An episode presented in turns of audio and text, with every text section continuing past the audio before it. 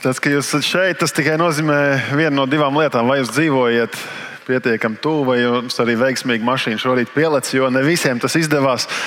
Un ir, ir labi redzēt jūs šodien baznīcā.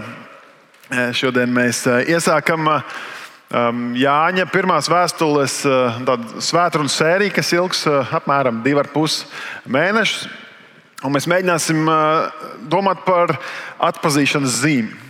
Kā atzīt kristieti no jebkura cita cilvēka sabiedrībā? Un vai vispār ir kaut kas, pēc kā mūs varētu atzīt?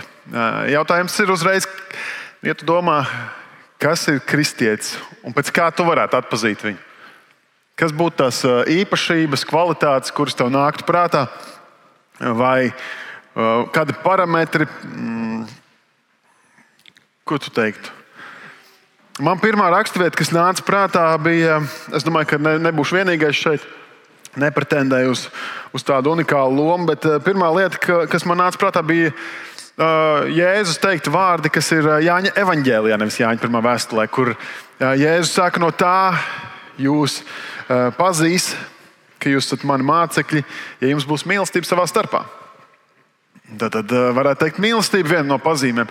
Bet šajā uh, pāntā ir arī rakstīts savā starpā, tātad kaut kādā kopienā. Tas nav teikts, ka mīlestība pret visu un pret visiem, bet mīlestība savā starpā. Un ka tur ir jābūt kaut kam īpašam. Un, uh, tā kā Jāņa evaņģēlīja rakstīja apustulis Jānis, un Jāņa 1, 2 un 3 vēstuli rakstīja apustulis Jānis. Un visdrīzāk arī Jāņa atklāsmes grāmatu rakstīja šis pats cilvēks. Tad tur ir zināmas paralēlas, ko mēs varam ieraudzīt un uh, ieraudzīt, kā, kā viņš domā un ko viņš uh, saka. Bet ko vēl jūs teiktu? Mēs varētu teikt, jā, var vaļā ir Pāvils, jāskatās vēstulē galotiešiem, kur ir gara auglis, kam ir jāattīstās mūsos, kam ir jānobriest, jāparādās miers, prieks, mīlestība, saticība, lēnprātība. Mēs varētu šīs lietas saukt. Noteikti vēl kaut ko mēs varētu izdomāt un nākt klajā. Nu, vēlams, ka mēs ar labajām īpašībām varētu asociēties, un, un ka citi teikt, kad es domāju par matejiešiem, tad šīs ir tās lietas, kuras es uzskaitu. Reizēm gan eh, ne viss ir tik jauki. Un ne viss ir tik skaisti. Mēs reizēm esam tieši tādi paši grēcinieki kā pasaulē, un, eh, un īpaši neatšķiramies. Bet tas ir mans izaicinājums, ka mēs ejam cauri Jāņa eh, šai pirmajai vēstulē un domājam, kā tas attiecas uz mani, vai es tam līdzinos, vai tas parādās manā dzīvē, vai tas parādās manā draudzē. Vēstules jaunās derības un Bībeles grāmatas vairumā gadījumu nav rakstīts individam. Es to lasu, tā ir mana Bībele, un es tur rakstu, un es pasvītroju, un es domāju līdzi. Protams, ir pirmā vēstule, otrā vēstule Timotejam, ir eh, vēstule Titam, Filemonam. Ne, ir eh, vēstules, kas ir rakstītas konkrētiem individiem. Bet vairums vēstules, vairums šīs grāmatas, kas ir Bībelē, viņas ir rakstītas kopienai, viņas ir rakstītas draudzēji. Arī Jānis, lai arī viņš nesaka, kam tieši viņš sūta. Mēs no teksta varam noprast, ka viņš pazīst šos cilvēkus, viņš zina, ar ko viņš runā, un viņi zina viņu. Tad, tad tur ir jau pazīšanās, tā ir draudzība. Tā ir, mēs nezinām, vai tā bija viena lielāka draudzene, vai tas bija kādu mājas draugu kopums, kā viņš raksta. Bet, uh, Bet acīm redzot, Jānis gribēja, lai tie cilvēki, kas šo lasa, ieraudzītu, ka šī, šīm lietām jāparādās viņa dzīvē. Ir kaut kādas šīs pazīmes.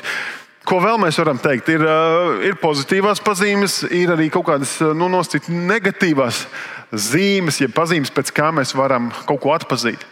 Mēs pirms uh, Ziemassvētkiem, Adventu laikā, gājām cauri svētdienas sērijai, domājām par Eh, to, kā mēs sagaidām ķēniņu. Viens ir Ziemassvētku laikā, kā mēs sagaidām viņu savā dzīvē, bet mēs arī domājam par to, ka Jēzus nāks vēlreiz.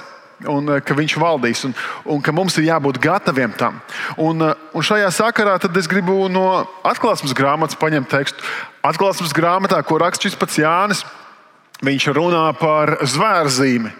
Esam dzirdējuši par tādu konceptu. Un tad ir filmas, un ir grāmatas, kur ir uh, 666 un vēl visādas pārējās lietas. Un, un nedrīkst dzert monstru enerģijas dzērienu, vai ne, jo tur ir zvēra zīme. Jāņa atklāsmes grāmatā 13. nodaļas beigas. Tur ir rakstīts šādi. Un viņš, tas ir uh, šis zvērs, ja, Viņš dara, ka visi lielie un mazie, bagātie un nabagie, brīvie un vergi uzspiež zīmi uz savas labās rokas vai uz pieres, lai neviens nevarētu ne pirkt, ne pārdot, kam nav šīs zīmes, zvēra vārda vai arī viņa vārda skaitļa. Šeit slēpjas gudrība, kam ir saprāšana, lai izdibinātu zvēra skaitli, jo tas ir cilvēka skaitlis. Un viņa skaitlis ir 666. Ļoti nopietna tēma. Un, un patiešām tāpēc arī ir daudz dažādas spekulācijas, kā tas būs, kā mēs varam tam būt gatavi. Vai tas būs mikročips kaut kāds, kas ir jā, jāplan, jāimplantē tur rokā, labajā vai, vai uz pieres, vai, vai nezinu, tur vēl kaut kas. To mēs varam filozofēt, domāt. Tas, kas mums ir jābūt, mums jābūt uzmanīgiem. Viena lieta, kas ir bīstamība ar pantiem, kas tiek rauta ārā no konteksta, ka viņi ir izrauti no konteksta. Uh, tad, kad vēstules šīs rakstīja Jānis vai jebkurš cits Bībeles autors, viņi nerakstīja pirmais punkts. Viņi rakstīja kā vēstuli, vienot veselumu. Un līdz ar to būtu veselīgi apskatīties, kas ir uzreiz pēc šī teksta. 13. nodaļa beidzās, 14. nodaļa uzreiz sākās Jāņa atklāsmes grāmatā. Tur Jānis saka, un tad es redzēju, un raugi jērs stāvēja uz Cienas kalna. Un līdz ar viņu 144 tūkstoši, to, kam viņa vārds un viņa tēva vārds bija rakstīts uz viņa pierēm. Ir zināma paralēla, vai ne? Vai nu uz vēra zīme vai dieva zīme. Jānis tur atklāsmes grāmatā mazliet tālāk. Viņš arī iedod kādus kritērijus, pēc kā tad var pazīt šos. Kas ir šie cilvēki, kas ir šie 144,000, kuriem ir um, jēra zīme, Jēzus zīme, varētu teikt. Un tad man jādomā, vai man tā ir. Mēs arī zinām, ka atklāsmes grāmatā Jānis raksta īpašas vēstules draugiem. Tad jautājums, ko viņš teiktu mums, kā draugai? Atkal kā kopienai. Un es gribētu teikt, lasot Jāņa pirmo vēstuli, mēs ieraudzīsim vairākas līdzības paralēlas ar to, kas ir atklāsmes grāmatā, kas ir evanģēlijā Jāņa īpaši. Bet arī eh, es gribētu teikt, mums jāierauga, kā tas attiecas arī uz manu dzīvi. Un reizēm tava dzīve atšķirsies no draudzes vidējā, un reizēm uh, tu būsi pozitīvi atšķirīgs, un reizēm būsi negatīvi atšķirīgs. Un mums ir jāaug visiem kopā. Un, ja katrs mēs pieliksim kaut ko no sevis, tad arī mēs, es domāju, ka mēs augsim visi kopā kā tāda kopiena, kā draudzene, kā ģimene. Un tas pirmais, pirmais vārds, kas man, manuprāt, noteikti tur varētu vēl kādus vārdus ieraudzīt un teikt, kas ir kā atslēga. Bet, uh, Pirmā nodaļa, es teiktu, ir šis vārds sadraudzība.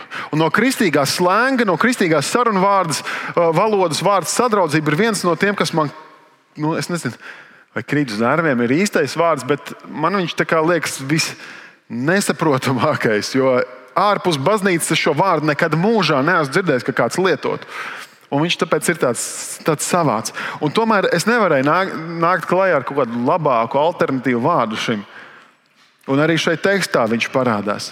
Tā ir kaut kāda īpaša, tuva draudzība, kas notiek starp kaut ko, kur ir jābūt tādai satuvināšanās. Bet, eh, bet trešajā pantā, ko mēs lasām, šeit jau Jāņa pirmā vēstulē, viņš raksta, ko esam redzējuši un dzirdējuši, par to, to pasludinām arī jums, lai arī jums būtu sadraudzība ar mums, un mūsu sadraudzība ir ar Tēvu un Viņa dēlu Jēzu Kristu. Nu, tad divi virzieni, kur domāt no, no šī panta, un, un tas arī tālāk nodaļā uh, risināsies. Pirmais, tas ir sadraudzība ar cilvēkiem, jeb, jeb tā ir kopiena. Sadraudzība ir kopiena, kas līdzinās ģimenei. Runājot par draugu, Mēs uh, zinām, ka mēs ilgojamies būt kopā. Uh, tas ir viens no iemesliem, kāpēc mēs nākam uz baznīcu. Tas ir iemesls, kāpēc mēs dibinām ģimeni. Tas ir iemesls, kāpēc mēs satiekam draugus. Uh, mēs, es lasīju, ka 2023. gada novembra vidū Pasaules veselības organizācija nu, kā vienu no prioritāriem veselības uzlabošanas kaut kādiem virzieniem, viņi saka, ir jāapkaro vientulība. Viņi saka, ka vientulība izplatās kā tāda epidēmija. Mēs runājam par, mums pandēmija ir svaigā atmiņā, vai nekāda tur atstāja ietekmi. Bet Pasaules veselības organizācija saka, ka vientulības epidēmija skar ļoti daudz cilvēkus. Uh, viens no četriem senioriem jūtas ārkārtīgi vientuļš. Arī vidējā paudzē mēs esam, mēs, protams, izlikties, jo mēs paslēpjamies darbā vai kā, bet ļoti daudz cilvēku atzīst, ka viņi ir vientuļi vai jūtas kaut kādā laika posmā vientuļi. Starp jauniešiem ir līdzīgi. Starp jauniešiem ir līdzīgi. Diezgan daudz cilvēku saka, es jūtos vientuļš. Un, um, un šie eksperti saka, ka tā ietekme uz veselību, vientulībai ir līdzvērtīga tam, ka mēs izpīpētu pusotru paciņu cigarešu dienā. Un, un, uh, Tas būtu apmēram tikpat liels slodzi mūsu sirdī. Uh, vientulība atstāja uz mūsu mentālo veselību, smagus nospiedumus, uz mūsu sirdsdarbību un, un uz citiem virzieniem. Bet es gribēju teikt, ka tas nav paredzēts draudzēji, tas nav paredzēts kristiešiem. Un reizē mēs tomēr redzam, ka cilvēki saka, es gribu būt Kristus, es gribu būt Kristus sekotājs, es gribu to žēlastību, ko viņš man iedod, bet es negribu būt daļa no draudzes. Tur ir pārāk daudz, nezinu, kādas intrigas, tur ir pārāk daudz jāpielaiž savu klāt. Bet es gribēju teikt, kristietis bez draudzes ir kā futbolists bez komandas. Nu, viņš jau var teikt, ka man ir futbola buči forša kājās, ne, bet, bet viens pats tur neko nevar īsti izdarīt. Un tev ir vajadzīga eh, draudzene, tev ir jābūt kopienā. Uz to mēs redzam arī Jēzus mudinājumu mūs domāt. Viņš kādā reizē, kad Jēzus, kuram eh, bija apkārt daudz cilvēku, ļoti bieži, un starp citu man patika, ka eh, sociālos tīklos redzēju kaut kādu bildi, kur kāds cilvēks bija uzdevis jautājumu, kāpēc baznīcās tik maz sludina par vislielāko Jēzus brīnumu. Kā var vienam cilvēkam būt 12 tuvi draugi? Jo, jo mūsdienās tas ir retums. Un, protams, ka eh, tas arī ir vērā ņemams fakts. Un arī zinātnieki rāda, ka mums, mums ir tie vairāk līmeņi. Visvairāk ir tie trīs, tuvie, trīs līdz pieci tuvie draugi, kas arī Jēzum bija. Tad ir nākamais līmenis līdz 12, 15 draugiem, kas Jēzus parāda. Un tad tālāk jau ir 50 un, un, un bišķiņi tālāk, kur mēs varbūt zinām vārdus, bet mēs nezinām neko daudz par viņu dzīvi. Kādā no reizēm, kad Jēzum bija apkārt daudz cilvēku, pie viņa pienāca kāds, kāds cilvēks un sacīja, redzi, tava māte un tava brāļi stāv ārā un meklē ar tevi runāt. Un Jēzus atbildēja un sacīja tam, kas viņam to teica, kas ir mana māte, kas ir mani brāļi. Viņš roku izstiepa pār saviem mācekļiem. Viņš teica, redzi, mana māte, mani brāļi. Jo kas dara man debesu tēvu prātu, tas ir mans brālis, un mana māsa un mana māte. Mēs arī draudzē viens otru saucam par brāļiem un māsām, un tas reizēm liekas savādi. Īpaši tajā brīdī, kad tu ienāc no malas, liekas, kas, kāda ir tieši jūsu radniecība, kāpēc jūs tā runājat.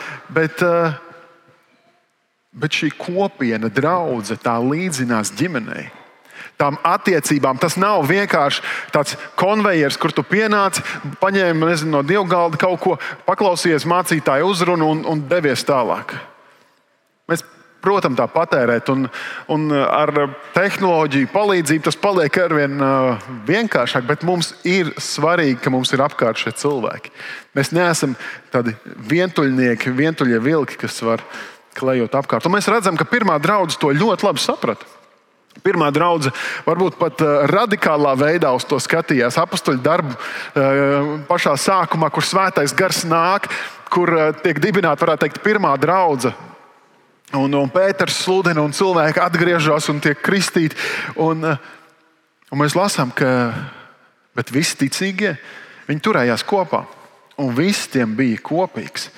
Tik radikālā veidā, ka Uh, nu, pēc tam tur bija arī zināmas problēmas, ka Pāvēlam vajadzēja vākt ziedojumu un sūtīt Jeruzalemes draugai. Es uh, iepazinos ar kādiem uh, puišiem Norvēģijā. Nu, no Norvēģijas, kuri mēģināja dzīvot pēc šī modeļa. Viņiem bija tāds kā komunālais dzīvoklis, kur bija, es neatceros precīzi skaidri, bet līdz desmit cilvēkiem. Viņi teica, mēs visu saliekam, visus savus ienākumus kopā bļodā. Visi, jebkurā brīdī var paņemt tik, cik viņam vajag, un, un mēģināt tā dzīvot. Nu, es nezinu, cik ilgi tas tā funkcionēja. Kādu brīdi tas tā varētu būt, bet es domāju, tas nav ilgspējīgs risinājums. Bet tas, ko es gribētu, lai mēs paņemam un padomājam, kur ir tā robeža, cik tuvu tu esi gatavs pielēst šos cilvēkus. Cik tuvu tu esi gatavs dzīvot pēc tā modeļa, ko eh, Jēzus māca saviem mācekļiem? Viss viņiem bija kopīgs. Viņi pat pārdeva savus īpašumus, salika visu tur, tur eh, tajā kopā, atnesa pie, pie draudzes vecajiem, lai viņi tur menedžē tos finanšu līdzekļus. Un tad mēs, mēs vakar tieši ar, eh, ar Elīnu runājām mājās. Mums ģimenē viena no vērtībām ir viesmīlība, ko mēs neesam nekad slēpuši. Mēs, kad vēl nebijām apprecējušies, mēs runājām, ka mēs gribētu, ka tā ir viena no mūsu ģimenes vērtībām.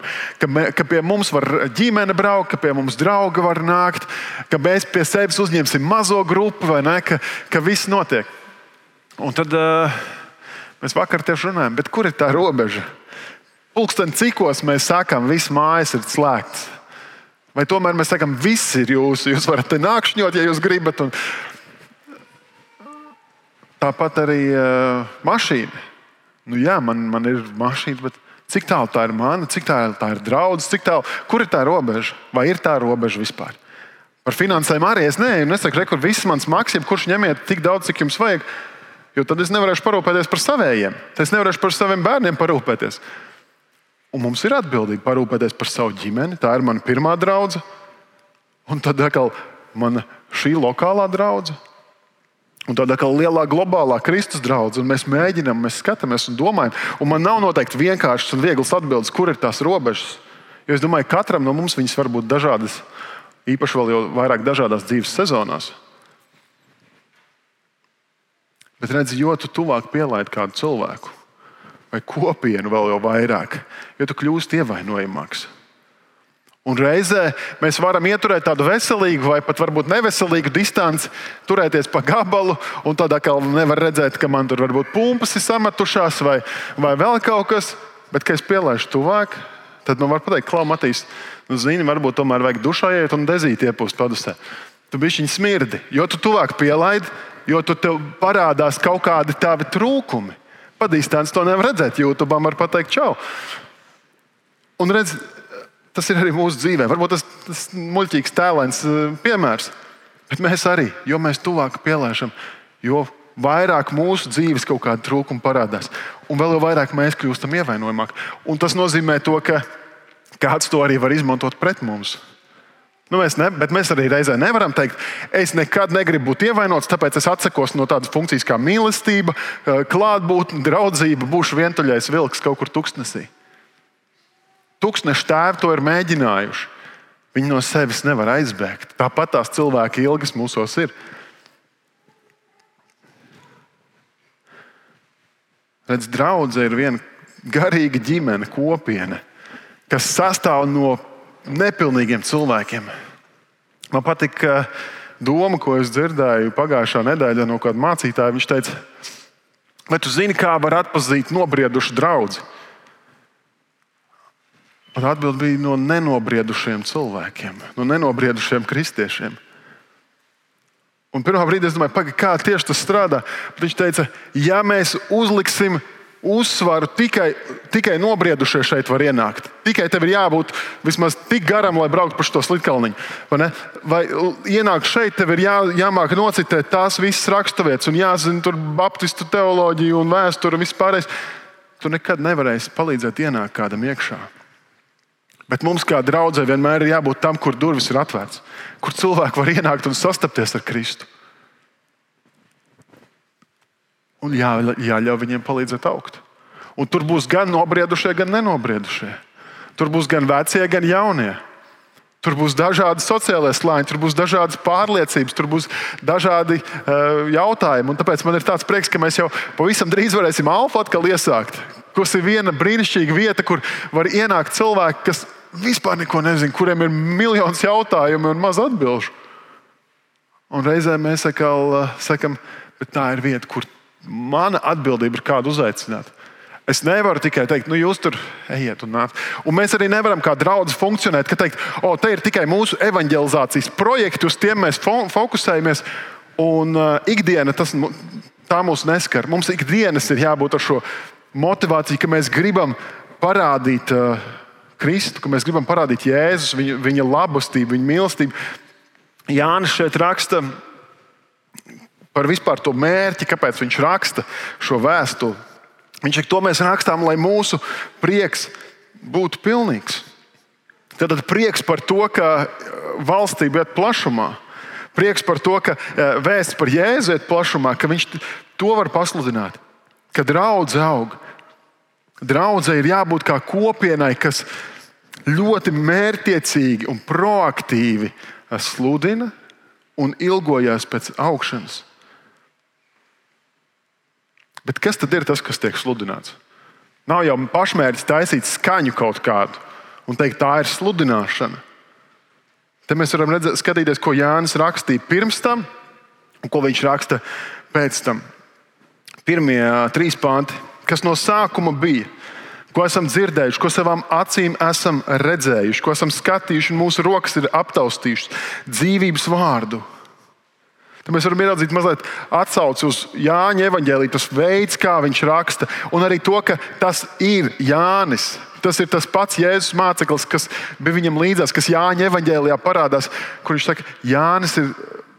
Jāņa evanģēlijā netiek minēts viņa vārds. Viņš vienmēr saka, māceklis, ko Jēzus mīlēja. Bet viņš saka, mēs tur bijām, mēs to esam skatījuši, mūsu rokas ir pieskārušās, aptaustījušas dzīvības vārdu. Dzīvība ir parādījusies. Mēs esam redzējuši, un apliecinām un pasludinām jums mūžīgo dzīvību, kas bija pie tēva un mums ir parādījusies. Ko esam redzējuši, dzirdējuši, to pasludinām arī jums, lai arī jums būtu sadraudzība ar mums.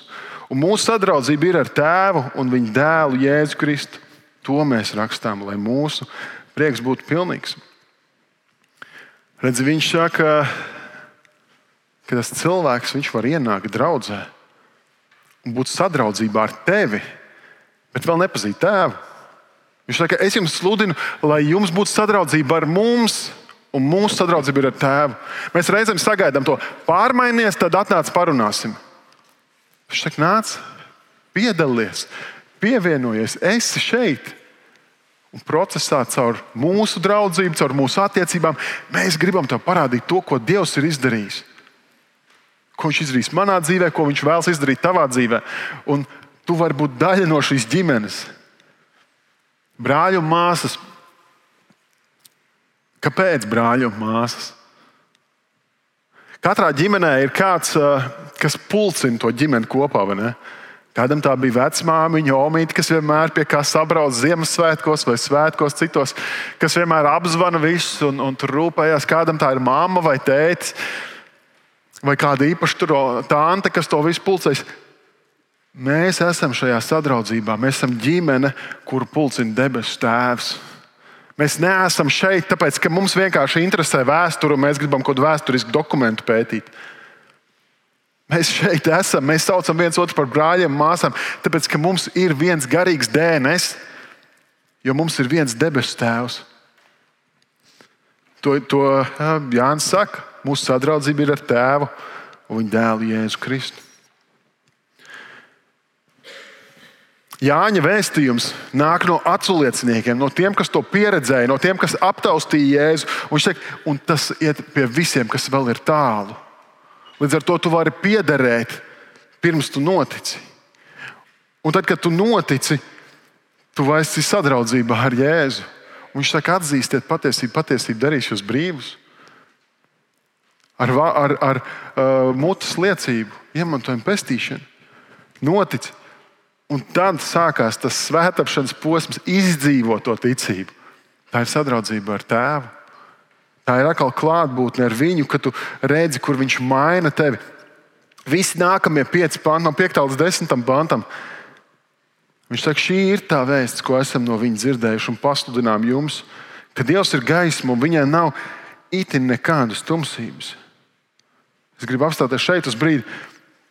Dievs ir gaisma.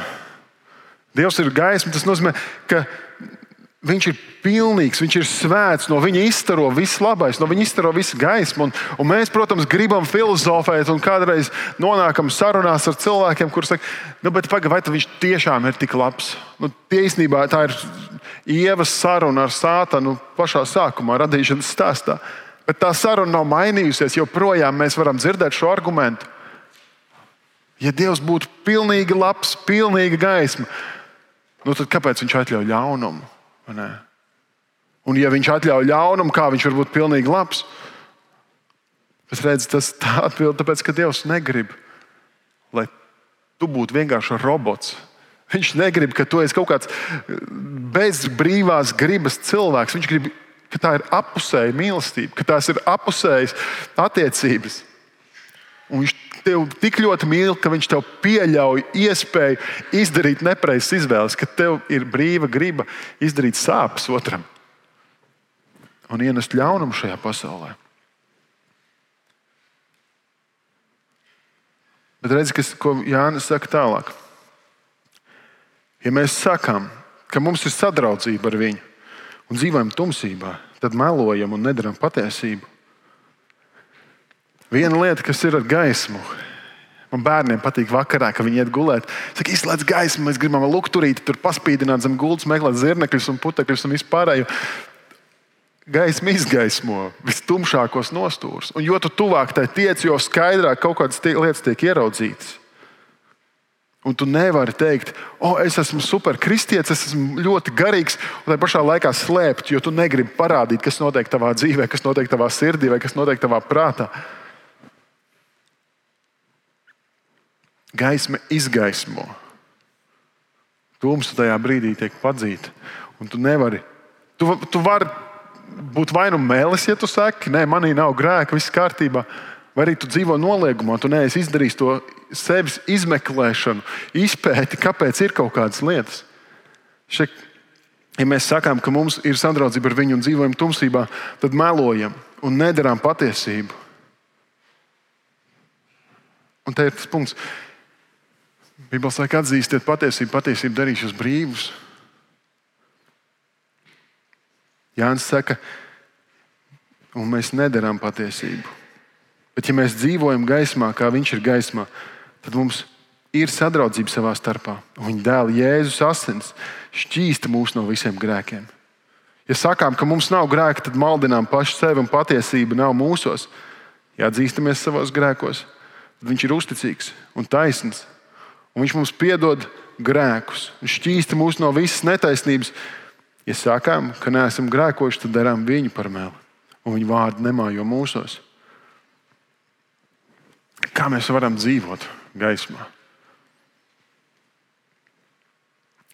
Pirmām kārtām, um, es teiktu, šīs, šīs svētdienas kontekstā, šīs raksturietas kontekstā, Tā ir būšana kopienā, būšana sadraudzībā, atļauties būt ievainojamam, atļauties, ka tevi kāds redz. Tas ir iemesls, kāpēc mēs tik ļoti sakām, tev vajag mazo grupu. Mēs šajā kontekstā, kur mēs esam vairāk nekā simts cilvēki, mēs nevarēsim te tagad katram dot brīvo mikrofonu un vēl YouTube izstāstīt visus savus grēkus un vēl vispārējo. Tas nebūs īstais veids un formāts. Bet tev vajag būt kopā, kur tu vari tikt izgaismots kur tev parāda, kas ir uh, tavā dzīvē, kaut kas jāmaina. Otrs tev ir uh, jāsaprot, ka tev jābūt sadraudzībā ar Dievu. Un, un, un tur tu nonāc pie tā lēmuma, man ir kaut kas jāmaina dzīvē, man ir jāiet tas svētāpšanas ceļš. Jo tajā brīdī, kad mēs gribam būt tikai šādā formātā, draugi, tad mēs varam teikt, nu, tā ir tava dzīve, šī ir mana dzīve, kā gribi tā dzīvot. Tajā brīdī, ja mēs sakām, mēs gribam būt draugi ar Dievu, šeit vārds saka ļoti skaidri. Vai nu mēs padarām Dievu par meli, vai nu arī mums ir kaut kas jāmaina savā dzīvē. Ja es gribu dzīvot saskaņā ar Dieva vārdu, tad vairs nav, nav svarīgi, ko es jūtu vai ko es domāju.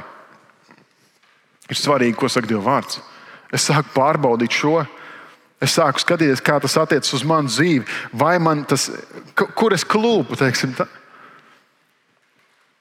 Un redz, tas, ko Jānis šeit fantastiski pasaka, ja mēs atzīstamies savos grēkos, tad viņš ir uzticīgs un taisns. Ka viņš mums piedod grēkus un šķīsta mūs no visas netaisnības. Viņš saka, iepriekš um, viņa dēla Jēzus asins šķīsta mūs no visiem grēkiem. Tā ir tāda konstanta šķīstīšana. Tas nav tā, ka es vienreiz sastapos ar Jēzu, vienreiz nožēloju grēkus, un viss man dzīve mainījās. Jā, tā mainās. Bet es nezinu, kā tavā dzīvē, manā dzīvē ir regulāri jāpaskatās spogulī un jāsaka, Matīs, tev ir ko nožēlot. Tu esi salaidis dēlī atkal kaut kādas lietas. Tu esi atkal pateicis kaut ko, ko nevajadzēja. Tu esi atkal nezinu, tur, tur pieņēmis stulbus lēmumus. Un tu saproti, nu, es eju pie Jēzus, un viņš šķīstīja. Un ir viena vieta, kur uh, mēs sakām, es, es pielūgšu Jēzu, es pielūgšu Dievu, viņš man piedos. Un tā ir taisnība. Mēs tikko to skaidri izlasījām Dieva vārdā. Bet uh, vācu mācītājs teologs Dītrihs Bonhēfers, kas uh, dzīvoja nacistiskās Vācijas laikā, veidoja mājas draugus, tādas kopienas. Uh, viņš izaicināja, viņš teica, nevajag māc, nu, pārmetumus mācītājiem. Viņš saka, nesludiniet lēto žēlastību, jo žēlastība nav lēta. Viņš saka, ja tu saki, ka es nevaru izsūdzēt savus grēkus vēl vienam tādam pašam grēciniekam kā es, Ko tu stāsti? Pasaki, ka tu aizies pie visvētā Dieva un tagad viņam tā brīvi pateiks visas savas vainas un, un nekas nebūs mainījies tavā dzīvē. Viņš izaicināja, ka mums ir šī kopiena, kurā mēs varam izsūdzēt grēkus. Ka mums ir jābūt tai vietai. Un redzi, tāpēc ir draudzene. Tāpēc tu nevari palikt viens pats. Un sadraudzībai ir jābūt rakstura lielumam tavā dzīvēm. Un, ja tu saki, nē, es esmu tas, tas, kurš tikai patērē informāciju, es paņemu, es tur galvā pakošļāju un tad mēģinu izdzīvot savā dzīvē, bet es, nē, nē, nē, es nebūšu ne kalpošanā, es nebūšu alfā, es nebūšu mazajā grupā, negaidiet no manis to neko. Tad tu kaut ko neesi līdz galam sapratis.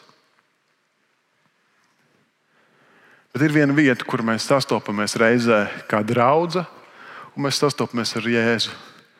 Un mēs to tūdaļ baudīsim. Tas ir šeit, pie vakarēdienas galda. Vakarēdienas ir kaut kas, ko mēs varam baudīt patiesībā tikai kā draudzene. Kur jābūt vismaz diviem iesaistītiem cilvēkiem, un tur Dievs ir klātesošs. Jēzus saka saviem mācekļiem, kad jūs nākat kopā, tad baudiet, pieminiet šo piemiņas mīlestību, atcerieties manu nāvi, atcerieties, ko es esmu darījis. Tā ir vieta, kur mēs esam kā kopiena, nevis tikai katrs kā indivīds. Un tad mēs arī sastopamies kā ģimene, kur ir debesu tēvs, kurš atgādina, es devu savu miesu, es devu izlaisu savus asins, lai tu varētu dzīvot. Un uz to es arī aicinu tevi šajā brīdī. Es aicinu, ka mēs varam zemoties un sagatavot savu sirdi, lai baudītu svēto vakarēdienu.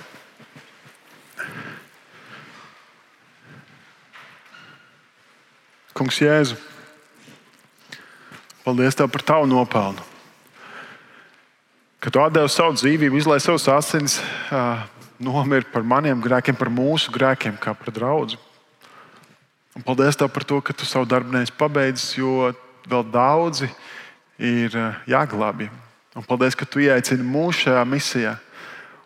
Un paldies, ka Tu mums ļoti skaidri parādi, ka Tu negribi, ka mēs esam vieni jau no radīšanas stāsta. Ka Tu gribi, ka mēs esam kopā. Un paldies, ka tu esi vienmēr vēlējies būt kopā ar cilvēku. Un piedod, kur mēs esam tevi atraidījuši un baidījušies no tavas gaismas. Kungs, bet es lūdzu, ka tu izgaismo mūs. Svētais gars. Atgādini Jēzus vārdus, uzrādi grēku, taisnību un tiesu. Jēzu. Paldies Tev par to, ka Tu atdevi sevi mūsu dēļ. Amen. Sagatavosim savu sirdi, lai baudītu vakarēdienu.